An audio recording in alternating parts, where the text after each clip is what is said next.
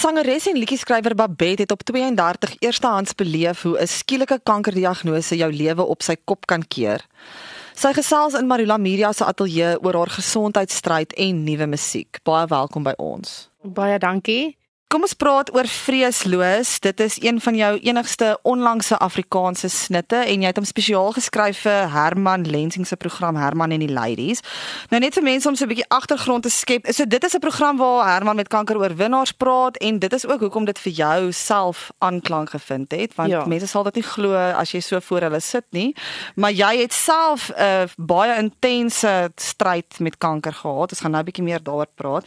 Eerstens wil ek vir jou vra, jy is gediagnoseer met triple negatiewe borskanker. Ja. Wat op aarde is dit? ek het nooit geweet nie. Ek was baie naïef oor kanker, maar mens kry verskillende tipe borskankers. Die kankers het reseptors wat dit laat groei of vinniger laat maak of nie. Party mense het een wat sê net maar progesteroon is of estrogen is.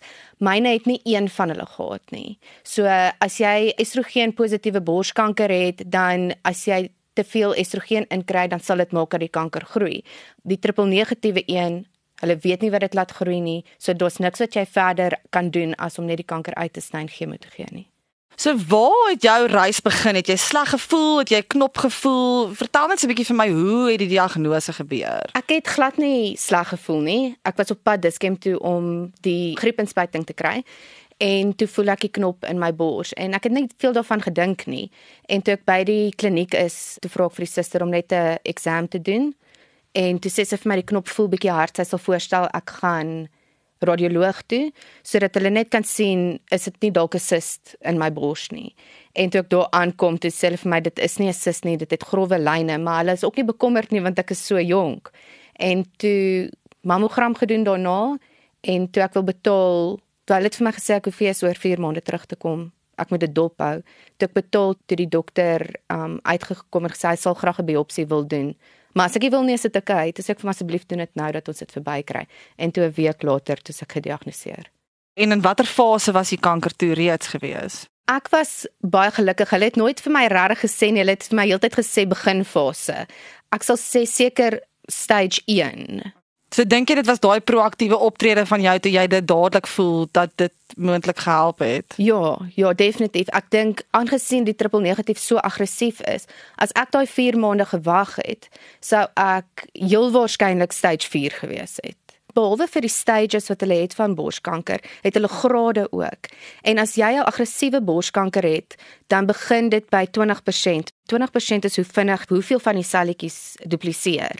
Myne was op 91%. So. So dit was baie aggressief. Op watter ouderdom was dit toe jy gediagnoseer is? 32. En het jy 'n geskiedenis van borskanker in jou familie? Is dit iets wat jy ooit in die vooruitsig miskien gehad het dalk eendag moet ek hieroor bekommerd wees. Nie. Ons het nie net nie borskanker in die familie nie, ons het niks kanker in die familie behalwe nou en dan 'n ligte velkanker wat met uitgesny word nie. Dit was die eerste keer wat ek in my lewe te doen gehad het met kanker. So die dokter het nou vir jou gesê jy het kanker. Hoe hanteer 'n mens daai? Hoe verteer jy dit wat hy vir jou gesê het in jou kop en hoe het jy dit hanteer? Ek um, het vir die eerste 3 dae net gehuil en in die bed gelê. As hulle dit vir jou sê, dit voel dit amper half onwerklik. So dit het gevoel asof my siel nie in my lyf is nie.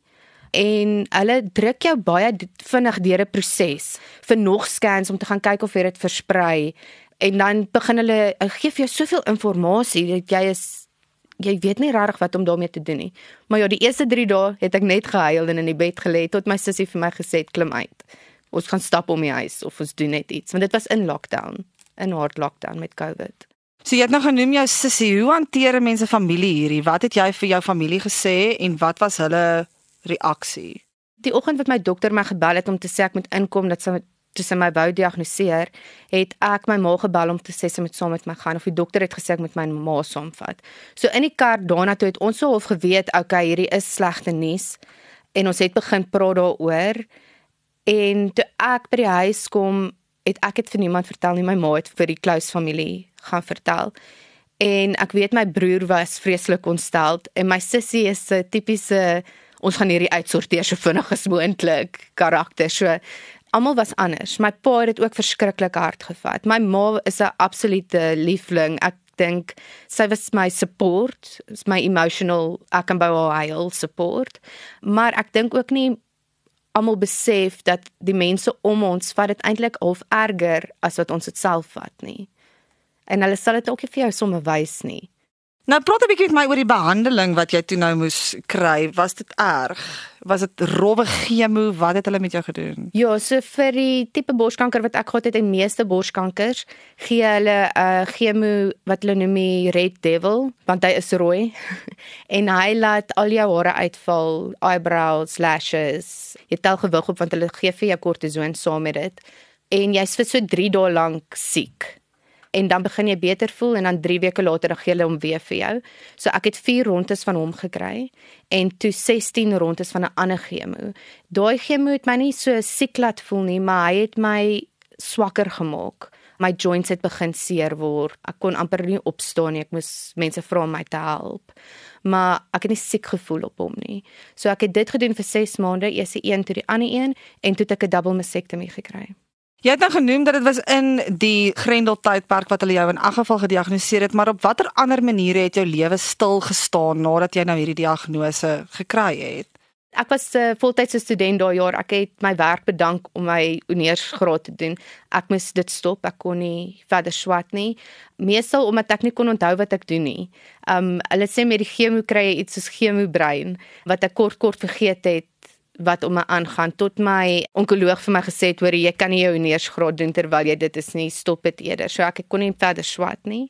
Ek het nie gewerk op daai tyd nie maar ek het vir mense begin blogs skryf oor waar ek gaan. So ek het myself besig gehou met sulke goed. Nou terug by die musiek en die lirieke van vreesloos. Dit het alles te doen met die pad wat jy gestap het. Ja. vertel my net so 'n bietjie wat het daai lirieke vir jou geïnspireer die hele pad wat ek gestap het. Die liedjie begin met ek kyk in die spieël, ek weet nie wie voor my staan nie. Dit is 'n oomblik wat gebeur het toe ek siek was. Ek onthou my ma het op die bed gesit en ek het voor die spieël gestaan toe ek omgedraai het en sê ek vir mamma ek weet nie wie is hierdie persoon nie.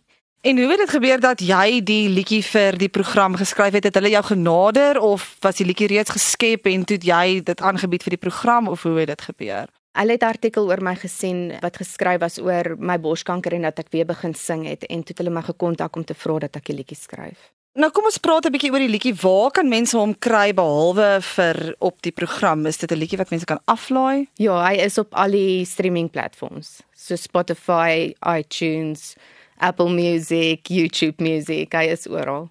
En hoe sal jy sê het hierdie reis met kanker jou nie net as mens beïnvloed nie, maar ook as kunstenaar en hoe het dit jou verander? Ek dink ek skryf meer hoopvol waar ek in die verlede meer hartseer was. Want ek weet mense kan deurslagte goed kom. So ek skryf baie baie meer sulke tipe lirieke.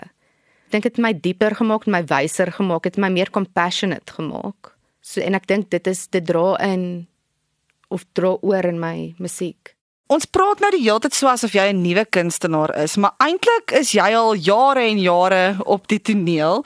Vertel net 'n bietjie vir my agtergrond oor jouself vir mense wat nou nie weet nie. Waar het jy begin met die musiek en waar sou mense jou van tevore al raak gesien het? Ek het begin sing as 'n baie klein dogtertjie saam met my ouma. Sy wou vir my klavierles gegee het en dan speel ons ou FHK liedjies en dan sê ek vir nee ouma, ek wil nie klavier speel nie, ek wil sing. En dan sing ons die hele tyd, hele dag lank. En toe het ek in laerskool het my ma agtergekom maar hierdie girl sing net Spice Girl liedjies die hele tyd en sy perform en toe vat sy my vir sangles.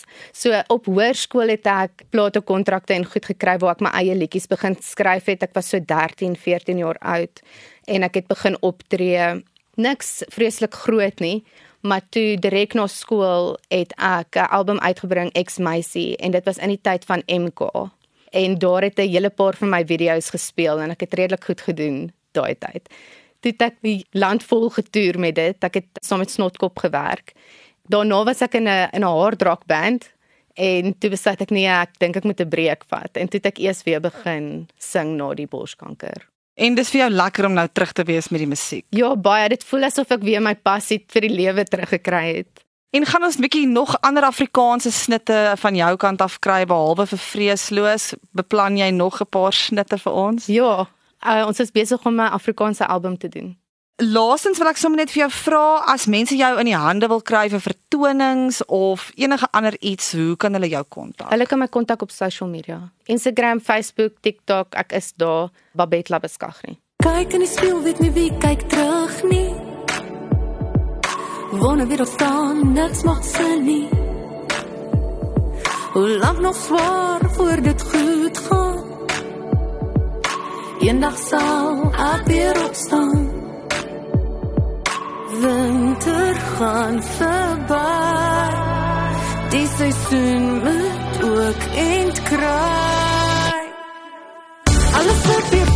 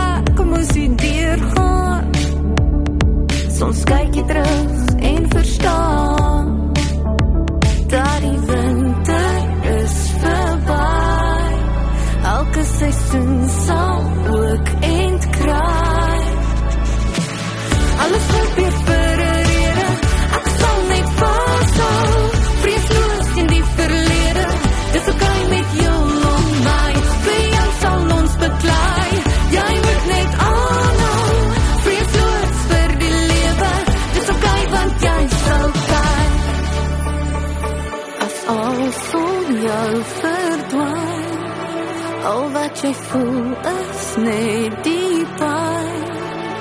Weer dat ek ook by staan En ek sal by staan Ek sal by jou staan Want winter gaan verby Jou seisoen sal ook eind kry